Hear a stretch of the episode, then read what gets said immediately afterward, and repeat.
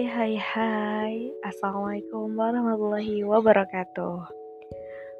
Welcome to the podcast. Let's Be Happy.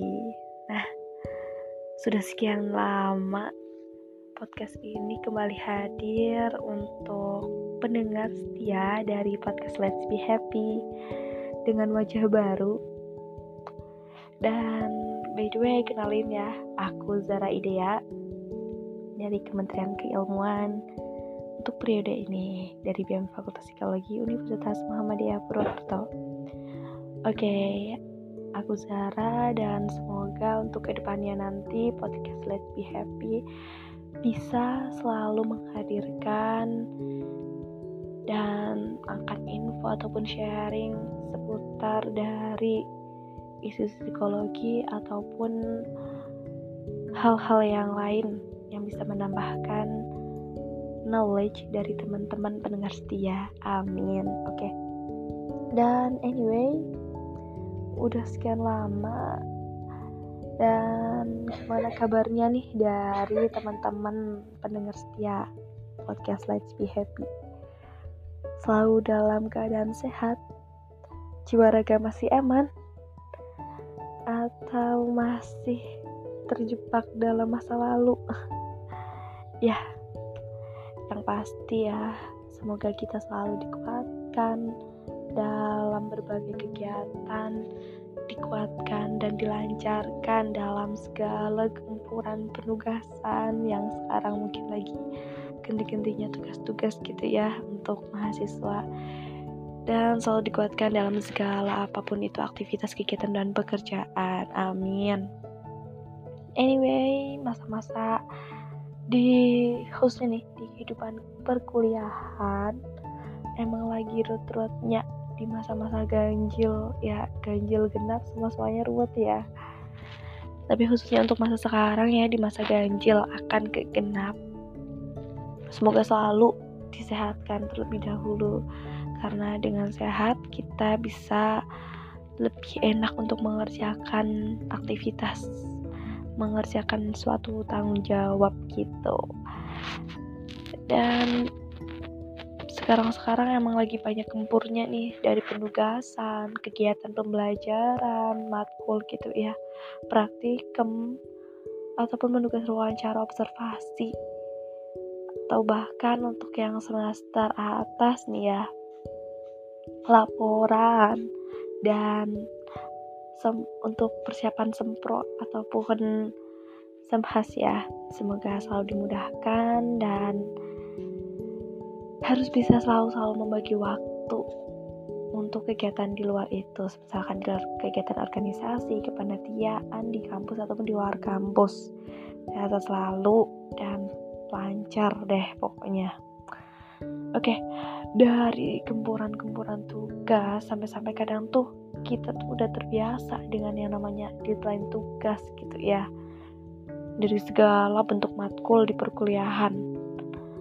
Dan kadang-kadang beberapa orang pun termasuknya aku itu mengandalkan saat situasi nih kepepet itu untuk jurus dalam mengerjakan tugas. Jangan ya kita bisa sebut dengan istilah the power of kepepet ya. Yang mana istilah ini udah menjadi andalan nih untuk mahasiswa khususnya gitu ya. Untuk beberapa mahasiswa not all ya. Tapi mahasiswa mahasiswa yang sangat mengandalkan kepepet ini tuh ya menurut opini dari mereka termasuk dari aku sendiri gitu ya.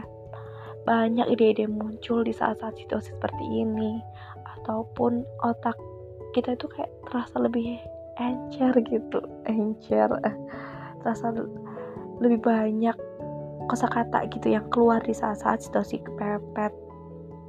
Nah dari aku membahas nih the power of kepepet. Kenapa sih ya di saat situasi kepepet ataupun di saat situasi yang terbatasnya waktu itu tuh yang seperti orang bilang banyak ide-ide yang muncul ataupun kita lebih enak dalam mengerjakan tugas walaupun terasa terburu-buru gitu ya. Nah sekilas ya sekilas tentang the of kepepet gitu. Oke. Okay. sebenarnya nih di saat-saat genting ataupun kepepet ada dalam diri kita yang pertama nih ada salah satu hormon yang mana itu tuh bisa menjadi pemicu untuk meningkat stres gitu peningkat stres. Tahu apakah hormon itu? Mungkin yang masih ingat dulu di waktu semester 1 yang sekarang mungkin masih mahasiswa baru gitu ya di psikologi di biopsikologi itu ada pelajarannya ataupun untuk yang semester 2 itu nanti sih ya ada di psikologi kognitif nah Hormon ini yang sebagai pemicu penegak itu adalah hormon adrenalin. Oke, okay, nice. Hormon adrenalin itu sebagai respon stres tuh dia dalam situasi penuh tekanan ya pada tubuh. Karena di dalam tubuh tuh ada nih sistem saraf otonom dan proses dari neurobiologis itu sendiri. Yang mana dan dalam apa ya uh, hormon adrenalin itu dapat menekan tubuh gitu dalam kondisi kewaspadaan yang tinggi maka nggak jarang saat-saat genting deadline ataupun terbatasnya waktu itu dan kepepet itu perasaan kita pun tergembur juga antara cemas antusias untuk lebih memiliki motivasi tinggi untuk menyelesaikan tugas itu semua melebur jadi satu gitu ya nah itu Selain itu, dari hormon adrenalin itu yang meningkat ya, jadi tingkat stres kita tinggi gitu. Ada juga nih motivasi kita tuh jadi lebih double gitu. Yang tadinya biasa-biasa aja untuk menyelesaikan tugas karena deadline-nya yang masih panjang, bisa dibilang hamil satu minggu mungkin gitu ya. Dan kadang-kadang orang-orang yang udah kebiasa dengan deadline yang mepet-mepet itu tuh dia cenderung akan motivasinya rendah gitu di saat deadline itu panjang. Karena sudah terbiasa dengan kemepetan itu dalam situasi yang power kepepet itu gitu. Jadi saat kepepet pun motivasinya lebih tinggi yang biasanya motivasi saya kan ah aku harus menyelesaikan tugas di target ini tapi waktunya masih lama gitu. Eh di saat waktu yang kepepet lebih nih termotivasi harus segera selesai harus segera selesai di saat waktu itu juga karena deadline-nya itu sendiri gitu. Keterbatasan waktu pun menjadi uh, salah satu faktor gitu ya. Kita juga tidak bisa menjadi menunda-nunda gitu. Awalnya yang mungkin masih bisa berleha-leha di saat waktu kepepet itu kita nggak bisa yang namanya leha-leha karena jangan sampai kita ada motivasi yang jangan sampai kita men submit tugas itu overdue gitu atau melebihi batas tugas gitu ya. Jadi lebih muncul hairah dan lebih terpacu untuk menjalankan tugas di waktu yang tepat itu. Dan yang terakhir nih ada kefokusan kita itu lebih dalam satu arah gitu. Dalam satu arah itu lebih terfokus di saat-saat yang kepapat itu dibandingkan seseorang yang emang dia udah ini untuk seseorang yang emang cenderung udah nyelesain tugasnya yang dalam waktu kepepet terus gitu ya. Karena sudah terbiasa otaknya sudah terbiasa dengan waktu-waktu yang mepet itu gitu. Dan di saat yang waktunya ada banyak luangnya deadline-nya masih panjang cenderung fokusnya nanti akan ke mana-mana. Misalkan nih uh, deadline-nya hamin satu minggu ataupun hamin dua minggu nih ya kita akan mencoba untuk mengerjakan tugas lebih awal gitu Oke, okay, pada satu hari, dua hari, tiga hari akan menyelesaikan tugas. Namun di hari-hari satu pekan itu, salah satu hari itu pasti nanti ada fokus yang terbagi. Kayak mengerjakan A dulu, B dulu, C dulu, ataupun mengerjakan tugas yang mungkin bisa dibilang kurang bermanfaat gitu ya. Selingan gitu ya bisa dibilang kayak scrolling IG TikTok dan sebagainya lah. Ada makan-makan dulu dan sebagainya lah gitu. Kita cenderung lebih ada waktu untuk emang deadline yang panjang. Dan itu sebenarnya emang untuk seseorang yang udah banyak bersahabat dengan waktu kepepet gitu ya. Berbeda dengan seseorang yang tadi aku katakan berbeda dengan seseorang yang emang dia sudah terstruktur dalam jangka waktu yang deadline panjang dia bisa mengerjakan tugas dalam waktu yang cepat kayak gitu.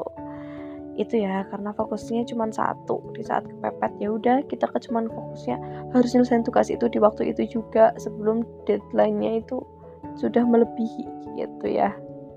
Nah jadi ada fokus hormon adrenalin itu meningkat stresnya lebih tinggi otaknya juga tergempur ya. Terus juga motivasi lebih besar dan fokusnya hanya satu arah aja untuk mengerjakan tugas. Nah, begitu untuk teman-teman podcast dari Let's Be Happy. Semoga ya sedikit lah ya untuk mengilas info gitu kenapa dalam kepepet itu banyak ide-ide muncul itu ya itu karena ketiga hal tadi salah satu ada beberapa dari tiga hal tadi gitu nah terus nih untuk teman-teman pendengar setiap podcast Let's Be Happy mungkin yang sekarang mahasiswa baru ataupun semester 1 ya belum banyak tahu nih untuk mencari referensi, sumber artikel, jurnal dan sebagainya yang mana banyak penugasan di pada kurikulum ini kan kurikulum merdeka gitu ya. Nah itu tugasannya udah mereview jurnal, ada ya sedikit-sedikit ke jurnal, sedikit ke artikel gitu. Apalagi kita sebagai mahasiswa psikologi gitu ya. Ada salah satu aplikasi nih Publish or Perish ya. Selain dari Google Scholar itu yang kadang-kala emang awal kita sebagai mahasiswa tahunya hanya Google Scholar saja namun ada nih satu-satu aplikasi yang ringan ya kapasitasnya itu nggak sampai 10 MB atau bahkan itu dia cuman kurang lebih lah kurang dari 5 MB gitu ya namanya publish or perish POP gitu. Ketik aja tuh di Google terus pakai PC ya pakai laptop gitu kita download tuh. Dan langsung install aja bisa di situ. Aplikasi ini tuh ringan gitu ya jadi dan aplikasi ini tuh udah kehubung gitu dengan uh, sumber referensi. Kayak misalkan tadi Google Scholar dia pun kehubung juga Scopus, Web Science, Microsoft Academic, PubMed, Microsoft dan beberapa lagi. Nah, POP ini itu juga uh, kisaran jumlah artikel itu cukup banyak antara 500 sampai 1000 gitu ya. Di saat kita kayak ngetik nih di keywordnya, kita udah ngeklik nih mau misalkan kita mau nyari sumber referensi dari Google Scholar gitu artikel yang berada di Google Scholar itu juga kita bisa lewat POP ini klik tuh Google Scholar habis itu kita di situ ada beberapa opsi ya langsung klik di bagian keyword aja ataupun judul di keyword misalkan kata kuncinya dengan kesehatan mental gitu ataupun prokrastinasi akademik gitu. Kita udah klik search nah nanti langsung muncul tuh beberapa jurnal dari Google Scholar.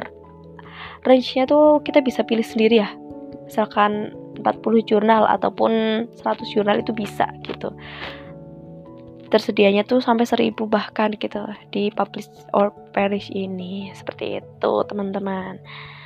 Semoga bermanfaat dan ya hari-hari di akhir semester ini menuju ujian akhir semester ganjil ya untuk yang semester 3 semester 1, semester 5 dan semester 7.